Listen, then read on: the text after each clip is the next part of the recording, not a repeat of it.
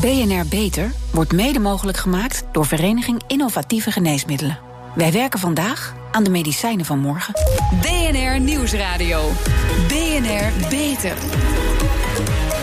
Harmke Pijpers.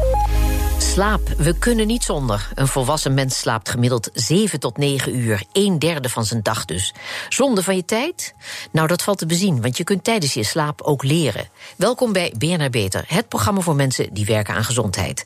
Mijn gasten vandaag, Lucia Talamini, neurobioloog aan de Universiteit van Amsterdam. Zij doet onderzoek naar geheugenmanipulatie tijdens de slaap. En Casper Jansen, sportarts en powernap-specialist. Ja, powernap-specialist heb u dat. Hij werkt met topsporters en en kijkt hoe slaap helpt bij het verbeteren van prestaties.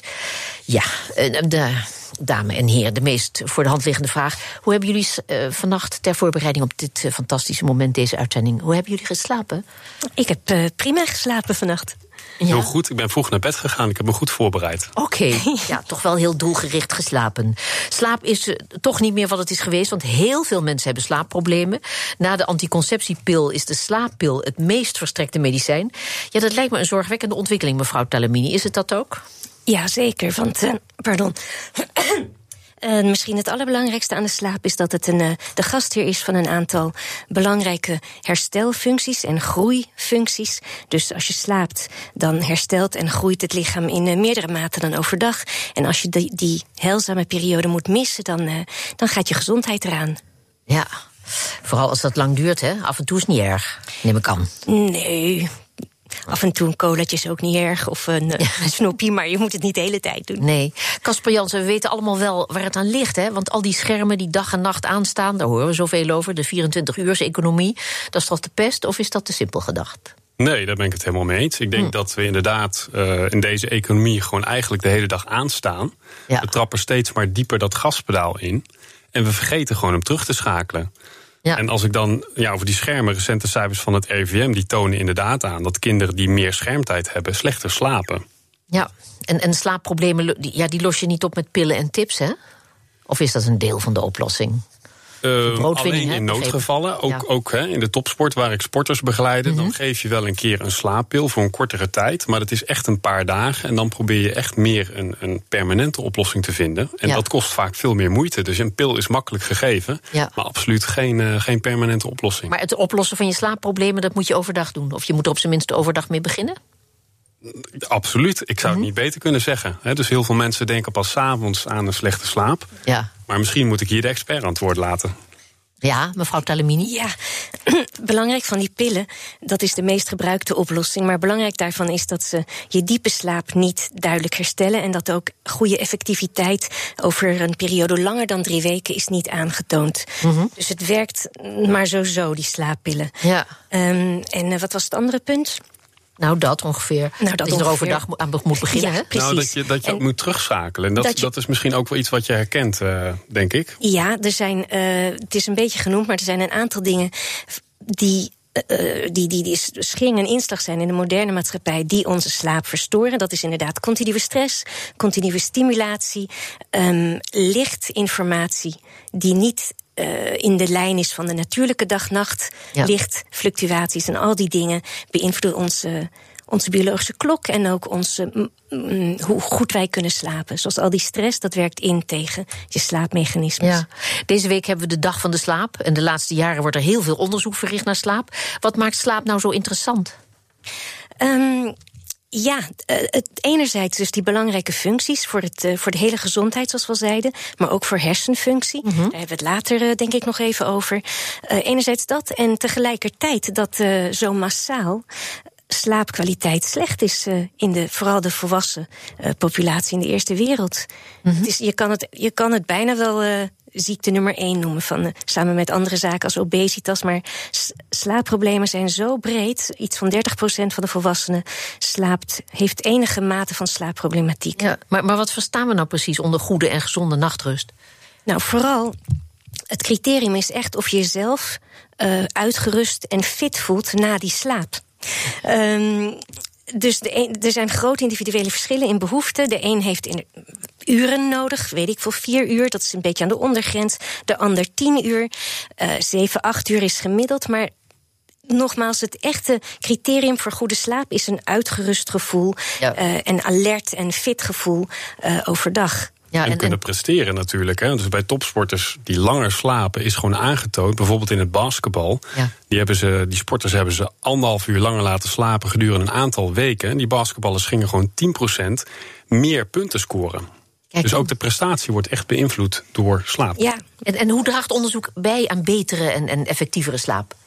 Um, in eerste instantie natuurlijk door kennis. Wij weten nu uh, hoe belangrijk die slaap is voor al dit soort herstel en uh, ook psychologische processen. Ook emotioneel herstel bijvoorbeeld. Uh, en dat geeft de, de, mogelijkheid om mensen een beetje te educate, hoe zeg je dat in Nederland? Coachen. Te, te, te informeren. Om het brede publiek te informeren, ook over deze belangen. Over hoe slaap gereguleerd is en wat je zelf kunt doen um, om een goed slaapwaakpatroon te hebben. Dus dat is denk ik heel belangrijk. Uh, en dat, ja, dat is het eigenlijk wel. Ja. nou, ja, kom ik toch weer even terug bij die schermpjes. Want het wemelt van de mensen die toch hun telefoon ook in de slaapkamer niet kunnen missen. Ik kan er zelf ook over meepraten. Hoe zorg je nou dat toch die types ook beter kunnen uitrusten? Of is dat gewoon eigen schuld, dikke bult, doe die telefoon weg? Nou, voor de sporters adviseer ik altijd om de telefoon gewoon niet de slaapkamer mee in te nemen. En mm ouderwets een wekker te kopen. Ja. En als ik ze zover krijg, dan werkt dat toch behoorlijk goed. Dan merk je dat ze een andere oplossing moet gaan zoeken voor de tijd die ze nog doorbrengen in de slaapkamer. Weer eens een boek gaan pakken, muziek gaan luisteren. Uh, of gewoon zich eens even vervelen s'avonds. Of eens even wat opschrijven over de dag. Ja. We kennen ondertussen allemaal wel verhalen van mensen die met heel weinig slaap kunnen. Hè? Uh, president Trump zegt dan drie, vier uur per nacht genoeg te hebben. Ja, zo klinkt hij niet. Maar uh, kanselier Merkel die zegt ook na een nacht vol vergaderen uh, wel zinnige dingen. Hoe, hoe, kun je dat leren? Of valt dat niet te leren? Is dat gewoon een natuurtalent? Nou, zal ik, zal ik Merkel beantwoorden en aan jou Trump laten? Want oh, Merkel weet ik toevallig, die is een expert powernapper. Oh ja, echt waar? Ja, dus zij is absoluut iemand die op allerlei momenten even extra herstel pakt. En daardoor kan blijven gaan. Dus zij slaapt maar vier à vijf uur per nacht. Als ze druk heeft en doet dan tijdens haar trips, of in het vliegtuig of ergens tussendoor, even een powernap om weer bij te, bij te ja, Ja, en dat wordt haar ook gegund, of zij heeft dat afgedwongen. In ieder geval, zij doet dat. Ik denk dat zij een goed voorbeeld is van iemand die dat voor zichzelf gewoon organiseert. En ook vindt dat ze dat verdient. Ja, en er dus ook vooruit komt. Dat ze dat... Zo, zoiets. Genau, ja zeker. Ja, ja. maar ja, hoe, hoe kun je dat leren?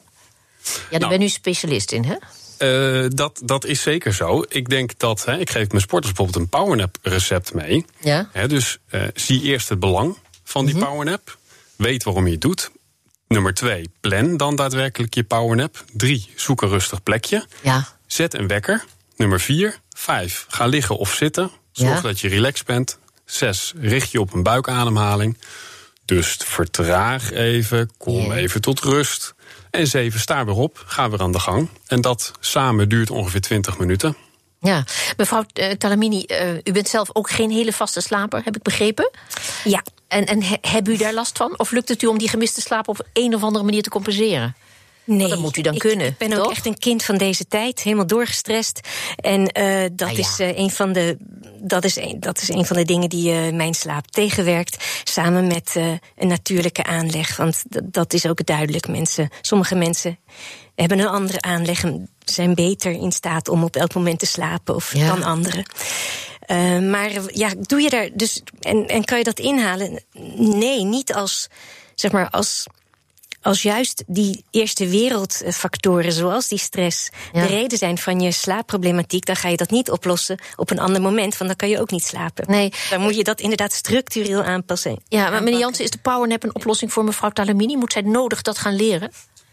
Ik denk zeker dat uh, als zij slaaptekort heeft, dat het een manier is om slaap te compenseren. Soms meer dan andere momenten. Hangt, ja. ja ook van mijn schedules af en zo. En ja. daarvoor is het eerst belangrijk om te leren terug te schakelen. He, dus je lichaam echt daadwerkelijk tot rust laten komen en zorgen dat je in slaap kan vallen. Want er zitten nog een aantal stappen voordat je in slaap kan vallen met een powernap. Gaan we het straks over verder hebben. Het wordt heel persoonlijk hier ondertussen in de studio. Maar mevrouw Talamini, ondertussen, want we hebben het nou over terugschakelen en gaan slapen enzovoort en powernaps. Want u deed onderzoek naar de mogelijkheid om te leren tijdens je slaap. Dat is ja. wel weer heel wat anders. Daarover gaan we het straks uitgebreid hebben. Maar ja, dan denk ik, we zijn de hele dag al zo hartstikke druk. En s'nachts hebben onze hersenen druk met het opruimen van de omgevallen boekenkast in ons hoofd. Moeten we dat wel willen? Dat er ook nog weer iets geleerd wordt ja, ik kan me die vraag rijkelijk uh, voorstellen. Um, maar wij denken niet dat dit zo'n hele kwalijke praktijk is, want mhm je bent s'nachts toch al bezig uh, om dingen te verwerken en te herverwerken van de zaken die je overdag hebt meegemaakt. Beeld van hersenen in rust, dat klopt helemaal niet. Hè? Er wordt nee, s'nachts heel wat gedaan. Er wordt s'nachts zijn die, hersen, die hersenen behoorlijk bezig, inderdaad. Maar wel op een hele andere manier dan overdag. Ja. En juist daarom um, kun je misschien ook zaken met die slaap of tijdens die slaap die overdag minder um, goed mogelijk zijn. Ja, dus inderdaad iets leren. Goed. Ja, of mensen beïnvloeden. Herinneringen wissen tijdens je slaap, het geheugen manipuleren of Deense woordjes leren. Dat klinkt als iets uit een science fiction film, maar dat is het niet. Daarover straks meer. BNR Nieuwsradio. BNR Beter. We slapen met z'n allen steeds slechter. Korte nachtjes door werkstress, Netflix, mobieltjes die blijven piepen. Kan de wetenschap ons helpen om beter te slapen? En hoe kunnen we die slaapuurtjes die we dan hebben ook weer zo goed mogelijk benutten? Daarover praat ik verder met mijn gasten. Lucia Talamini, neurobioloog aan de Universiteit van Amsterdam. En Casper Jansen, sportarts en powernap-specialist.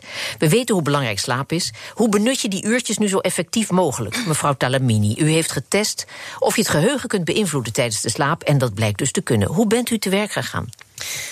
Um, wat, wij, wat wij doen is, um, we weten, uh, we kunnen aan het EEG zien, het slaap-EEG, dus de uh, elektrische activiteit van de mhm. hersenen, wanneer mensen spontaan in momenten van de slaap zitten dat ze informatie aan het verwerken zijn. Ja.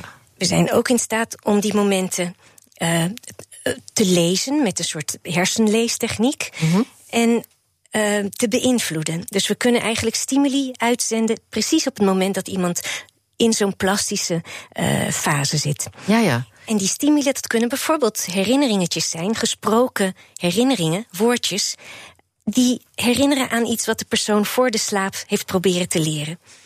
Op die manier kunnen we herinneringen reactiveren. Ja, ja. Op het moment dat ze gereactiveerd worden, worden ze herverwerkt en versterkt. Zoals uh, de student denkt, uh, makkelijk, ik speel een audiobestandje af tijdens mijn slaap. Daar heb ik wel vaker over gehoord. Een boek onder het kussen, dat schijnt niet te werken. Maar een audiobestandje, gaat dat werken? Um, dat werkt bij ons in het lab niet. Maar ik moet zeggen dat ik wel eens een casus heb gehoord van mensen bij wie dat lijkt te werken. Bij ons in het lab is het echt van, lijkt, laten we zeggen, het werkt in de breedte voor heel veel mensen. Op het moment dat je het moment van uh, van stimulatie. Dus het moment dat je iemand iets laat horen, heel erg laat samenvallen, of nauw laat samenvallen met die momenten van intrinsieke realisatie. Dus je moet aan de apparatuur en dan kan een ander aflezen dat dat het moment is om er iets in te stoppen in dat hoofd. Ja. ja, Maar wat kun je met die wetenschap? Hoe gaat dat mensen helpen? Ja, wie wil er niet een, uh, een steuntje in de rug bij het leren van een nieuwe taal of uh, wat dan ook? Nou ja, dus, dat, is, dat is één ding, maar er zijn ook andere toepassingen denkbaar, hè? Er zijn natuurlijk ook toepassingen denkbaar die meer uh, medisch georiënteerd zijn. Zoals? Zoals uh, op, op het moment doen we onderzoek in het lab naar de mogelijkheid om mensen met posttraumatische stressstoornis misschien van hun traumatische herinneringen af te helpen of ze allicht te verbeteren. En, en kan het bijvoorbeeld mensen die uh, hun herinneringen kwijtraken, die dement worden, kan het helpen om hun verloren herinneringen terug te halen? Ja, daar is nog, nog niks over bekend. Nee, dat, dat, heb, dat is nog niet uitgeprobeerd. Uh, wie weet uh, kunnen we inderdaad uh, dat soort populaties ook helpen. Maar goed, dat, dat staat nog te bezien. En je gaat mensen geen echt verloren delen van de hersenen teruggeven, natuurlijk. In de zin van als er echt hersenweefsel massief, massaal verloren is, dat, ja. dat toveren we er niet weer bij. Nee, maar, maar, dat wil niet zeggen dat je mensen niet met wat er nog over is aan mentale capaciteit zou kunnen helpen. Omdat ja maximaal te benutten. Maar ik noemde al even de science fiction. En dan denk ik meteen aan weer uh, uh, vreselijke toepassingen. Bijvoorbeeld uh, films waarin mensen nieuwe herinneringen ingeplant krijgen. Mm zijn dat realistische scenario's? Ik bedoel, zou deze kennis worden misbruikt om mensen te beïnvloeden en veranderen? Zou die is dat een mogelijkheid? Nou ja, er zijn, het is mogelijk gebleken al, in ieder geval in het lab weer, ja. uh, om mensen door een manipulatie tijdens de slaap, de slaap te manen om minder te roken. Dus ook daar weer toch om een, een bestaande herinnering of associatie van roken is lekker, dat moet om, de, om mensen daarvan af te helpen. Dus in principe zij, kan je je voorstellen dat je ook uh, nieuwe ideeën kunt implanteren. Of, je dat, of dat ook toegepast gaat worden, of mensen dat gaan doen, dat is een tweede. Ik bedoel, we kunnen een heleboel, een heleboel kennis kan je, of bijna alle kennis kan je ten goede en ten kwade aanrichten, natuurlijk, aanwenden. Ja, dat ook wel weer. Maar houdt u zelf, want u heeft al gezegd dat u slecht slaapt. Houdt u, houdt u wel eens een siesta? Want we hadden het dan Nee. even over de powernap. Ja, nee, ik hou geen siesta's. Ik ben En ook eh, geen powernapje? Nee. Want, maar, want de omgeving, u doet onderzoek, die moet dan toch uiterst begripvol zijn. Ik weet niet eh, of, eh, of zeg maar, laat ik het zo stellen. Ehm, in de competitie die de wetenschap vandaag de dag is, gaat het er vooral om eh, wat je presteert. En niemand maakt het uit of jij een powernap daar eh, doet of niet, weet je wel? Nee. Dus daar, eh, ja, dat Dus is dan. Je Zou, maar betekent dat niemand, niemand maakt het wat uit? Zou het kunnen? Of eh, word je dan voor gek verklaard? Of heeft iedereen begrip en denkt die verstandig? Dat, eh, in de, veel mensen in de wetenschap zijn redelijk autonoom. Dus eh, niemand. eh, de meeste mensen zouden dat kunnen doen. Vooral wij, want wij hebben een slaaplab. Dus de bedden liggen klaar. Ja. Maar ehm, het is maar meer. het komt er bij u niet van. Nee, dat. eh, Nee. Goh, nou, meneer Jansen, hier is eh, nog een hoop te doen, hè, toch? Ja, in de medische wereld en ook in de wetenschap is echt een hoop te doen. Het wordt eigenlijk tijd dat we onze Calvinistische inslag overboord zetten. En respect hebben voor mensen die een pauze nodig hebben. En dat respect ontbreekt vaak, ook op plekken waar je zou verwachten dat het wel aanwezig is. Ja. Uh, dus in mijn boek De Powernap Paradox leg ik ook uit hè, dat uh, het taboe binnen de bedrijfscultuur echt overwonnen moet worden. Mm -hmm. uh, zodat je echt ook op je werkplek gewoon je pauze kan nemen. Als je want, daar want iemand die dat doet is gewoon heel verstandig bezig en verdient navolging. Juist, ja. Ja. Die stelling durf ik wel te verdedigen. We hebben ooit een, uh, al een uitzending gehad waarin, uh, waarin we het ook hadden over zo'n powernap. En er kwam zo'n belachelijk een soort theemuts op je kop. Nou, dat was hoogslagwekkend. En dat werd ook aanbevolen voor in een pillow. ostrich pillow. Ja, nou, het belachelijk ding. Een soort theemuts met twee gaten voor je armen. En dan kan je je hoofd opleunen. Maar je bent in ieder geval helemaal afgesloten van de omgeving. Het lijkt me heel benauwd. Als je daarmee in het vliegtuig stapt, dan, ja, dan ligt het hele vliegtuig flauw van het lachen. Het ziet er niet uit. Gelukkig hebben we tegenwoordig veel modernere manieren om comfortabel dus een niet dat powernap te doen. Ja. Dus er zijn allerlei powernap meubels. eh, Ach. En ja, eh, die review ik ook. Dus op mijn site www.napatwork.nl kun je die ook even bekijken. Van heb je een goede, goede powernap plek nodig? Nou, dan kun je die inrichten. Maar het kan ook heel Spartaans.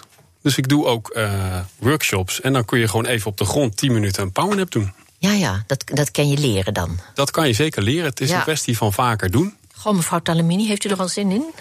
Nou, het is denk ik ook belangrijk om, eh, zonder mijn collega hier tekort te willen doen, maar om. eh, het, het belangrijkste, denk ik, aan slapen is dat je het, dat je het genoeg doet en dat je slaapkwaliteit goed is. En of Ja. je dat dan s'nachts doet of overdag, eh, dat kan alle twee, zal ik maar zeggen. Maar het is ook een beetje afhankelijk van hoe jouw eigen slaapwaakritmiek eh, in elkaar zit. Ja. Of, je daar, of je eerder geneigd bent om een volle nacht achter elkaar te slapen, of dat je wilt zeggen, het erg is veel niet voor baat zou hebben met een, een, aan een nepje midden in de dag. Ja. Is zeker niet kwalijk. Mhm. Is een, eh, niet een heel ongebruikelijk slaapritme En of ik herinner me ook dat de somnoloog die hier vorige keer te gast was ook aangaf dat het een normaal onderdeel is van je biologische klok. Om Ja, even, dus die dip na de lunch, dan denken veel mensen dat komt door het eten, maar dat komt eigenlijk gewoon door je biologische klok. Dus En je hebt van eten. nature, natuurlijk het eten Ja. verzwaart het, maar je hebt van nature twee momenten dat je kunt slapen eh, op de dag. En dat is 's nachts en na de lunch. Ja, Ja. Dat er vanuit de biologische klok een mindere alertheid is. Ja. maar dat is- wat, wat dat betreft wordt het een nieuwe koffiepauze, hè, meneer Jansen? Wat mij betreft wel. Ja, ik denk dat powernappen net zo normaal wordt als een goede lunch binnen tien jaar. Ah, ja. Absoluut. Goed. Nou, mijn redacteur riep meteen als ik eenmaal lig, word ik echt niet meer wakker. Dan blijf ik de rest van de dag suf. Dus aan zo'n redacteur heb ik dan helemaal niks. Geen powernap voor haar. Eh, of heeft u nog een oplossing? Ja, gewoon een wekker zetten als je even gaat liggen. En zorgen Oh ja. dat je na 20 minuten niet op de snoesknop drukt. Zoals heel veel mensen ook 's ochtends doen. Ja. Nee, als de wekker gaat, sta je op. Ja, ja.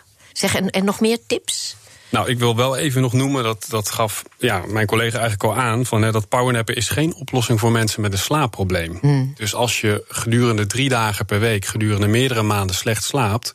is het echt belangrijk om naar je huisarts te gaan. En dan is powernappen geen oplossing. Ja. Maar voor mensen die slaaptekort hebben, jonge ouders, hè, mensen die gewoon een drukke week hebben, is even 20 minuten, want dat is het. Een goede powernap hoeft niet langer te duren dan 20 minuten. Even een dutje doen, Ja. is gewoon een hele goede oplossing om gedurende de dag extra te herstellen. Ik hoorde ook het verhaal van artsen die in het ziekenhuis eh, zitten te slapen op de wc met het licht uit. Ja, dat wist ik niet, zeg. Absoluut. Dat is de enige plek in het ziekenhuis waar je even tot rust kunt komen. Het is er donker, je wordt er niet gestoord. Alleen je sein kan afgaan, maar dat kun je uitzetten. Dus heel veel artsen zullen dat beamen. In het ziekenhuis is dat dé plek voor een powernap. Ah ja, ga ik dan weer Met met... dat kussen.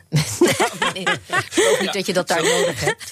Nee, nee maar dat is wel grappig, hè, want zelfs hier lachen we erom. Hè, maar je hebt dus eigenlijk geen plek waar je even kan terugtrekken. En dat is echt, wat mij betreft, een serieus probleem in heel veel bedrijven. Dat er geen plek is waar je even tot rust kan komen als je daar behoefte hebt, aan hebt. Ook, ja, ook op universiteiten, ziekenhuizen. Je, je, kamertje op bezet zet en gewoon op het onderzoeksbed gaat liggen. Nou, dat, dat deed ik vroeger. dat dan zei ik tegen de secretaresse van... ik ben even vijf minuten aan het powernappen. Ik ging op mijn onderzoeksbank liggen. Ik deed de deur dicht. Het licht ging uit. Totdat de directeur binnenkwam. En die zei, wat doe je nu? Je gaat toch niet slapen in werktijd? Ja, ik zei, ik slaap niet. Ik doe een powernap. Oké. En toen zei oh, oh nou, toen deed hij de deur weer dicht. En aan het einde, van de middag kwam hij terug en zei hij van... goh, Casper, moet je me toch eens even vertellen... hoe doe je dat nou, dat powernappen? Ja. En dus, dus ook ervoor gaan staan waarom je dat doet. En niet wegduiken als mensen zeggen van... goh, wat raar dat je dat doet. Ja. Nou, veel succes daarmee. Um, en, en de luisteraar die eh, kan op zoek, want hoe heet het eh, boek ook alweer? Eh, de powernap paradox. De powernap paradox, zo is dat. In mei is er trouwens een congres over duurzaam presteren en slapen. En wilt u daar meer over weten? Kijk dan op onze site. Hartelijk dank, Casper Jansen en Lucia Talamini. Pioniers in de zorg. Onze zorgredactie speurt naar interessante medische innovaties binnen en buiten de muren van de universiteit. Waar werken ze aan en wat moeten wij hierover weten? Eline Ronner, wat heb je vandaag voor ons? Nou, lekker actueel voor tijdens het eh, wintersportseizoen: de polsbreuk. Van de kleine botjes in dat polsgewricht breekt het scheepsbotje, dat is de scapoïd, die breekt het Maar het probleem daarmee is dat die breuk heel lastig te zien is. En als zo'n breuk wordt vermoed, dan krijgt iemand sowieso gips. Achteraf blijkt alleen, alleen dat zo'n 80% van de mensen onterecht in het gips zat. Je had dus wel pijn, maar er was geen breuk. Nou, stel je bent ZZP'er en je hebt twee weken niet kunnen werken, dan baal je natuurlijk. Ja. Ja, orthopeet een opleiding. Wouter Mallet die onderzocht hoe dat beter kan. Maar eerst wilde ik van hem weten hoe het kan... dat er nog zo'n hoog percentage mensen onterecht in dat gips gaat. Het scafoïd heeft eigenlijk twee problemen. Je spot hem heel moeilijk op de röntgenfoto als je aan een breuk denkt. En daardoor heb je vaak verdere diagnostiek nodig, zoals scans, om een breuk aan te tonen dan wel uit te sluiten. En het andere hele belangrijke is dat dus een slechte bloedtoevoer is. En dat als je zo'n breuk niet goed ziet op de foto, dat je dus moet gaan behandelen alsof er een breuk zit. Ja, de oplossing is eigenlijk heel simpel. Maar Lady ontdekte dat het veel effectiever is om gelijk een CT-scan van die pols te maken. In mhm. plaats van eerst röntgenfoto's, zoals uh, nu gebeurt, en dan pas twee weken later een scan. En als je dus eerst gewoon zo'n CT-scan doet, dan neemt het aantal verdenkingen op een breuk met maar liefst 15% af. Ja, zeg maar, waarom doen de artsen dan niet meteen een scan in plaats van zo'n ouderwetse röntgenfoto? Ja, de meesten die doen het gewoon volgens het oude riedeltje. Jaren terug was de CT-scan veel duurder en was het lastiger om zo'n scan te laten maken. En dus deden we het met ouderwetse röntgenfoto's. Nou, inmiddels is zo'n scan minder duur, is die ook beter beschikbaar. En bovendien bespaar je ook veel kosten als je voorkomt dat een patiënt bijvoorbeeld terug moet komen voor een poliebezoek. Nou ja, zeg en al dat werkbezuimen, niet kunnen autorijden en vervoerd moeten worden en allerlei ellende. Uh, eh, 80 procent, dus dan moet heel snel een nieuwe richtlijn komen, hè? Ja, tuurlijk. Het zou heel mooi zijn als er minder mensen in het gips uh, moeten voor een polsbreuk. De nieuwe procedure wordt dus nu getest in vier ziekenhuizen. Mhm. Maar het is de bedoeling dat er op termijn meer ziekenhuizen dit ook gaan doen. Nou, en als het dan net zo goed werkt, dan krijgen die gipskamers het over een poosje vast een stuk minder druk. Nou, Fantastisch, dankjewel, Eline Ronner. En tot zover deze uitzending van BNR Beter. Op bnr.nl slash beter is deze uitzending terug te luisteren... of on demand via de BNR-app, Spotify of iTunes. We zijn ook op Twitter te vinden onder BNR Beter... dus heeft u tips voor ons, laat het ons weten. Ik ben Harmke Pijpers, graag tot een volgend spreekuur. BNR Beter wordt mede mogelijk gemaakt... door Vereniging Innovatieve Geneesmiddelen. Wij werken vandaag aan de medicijnen van morgen.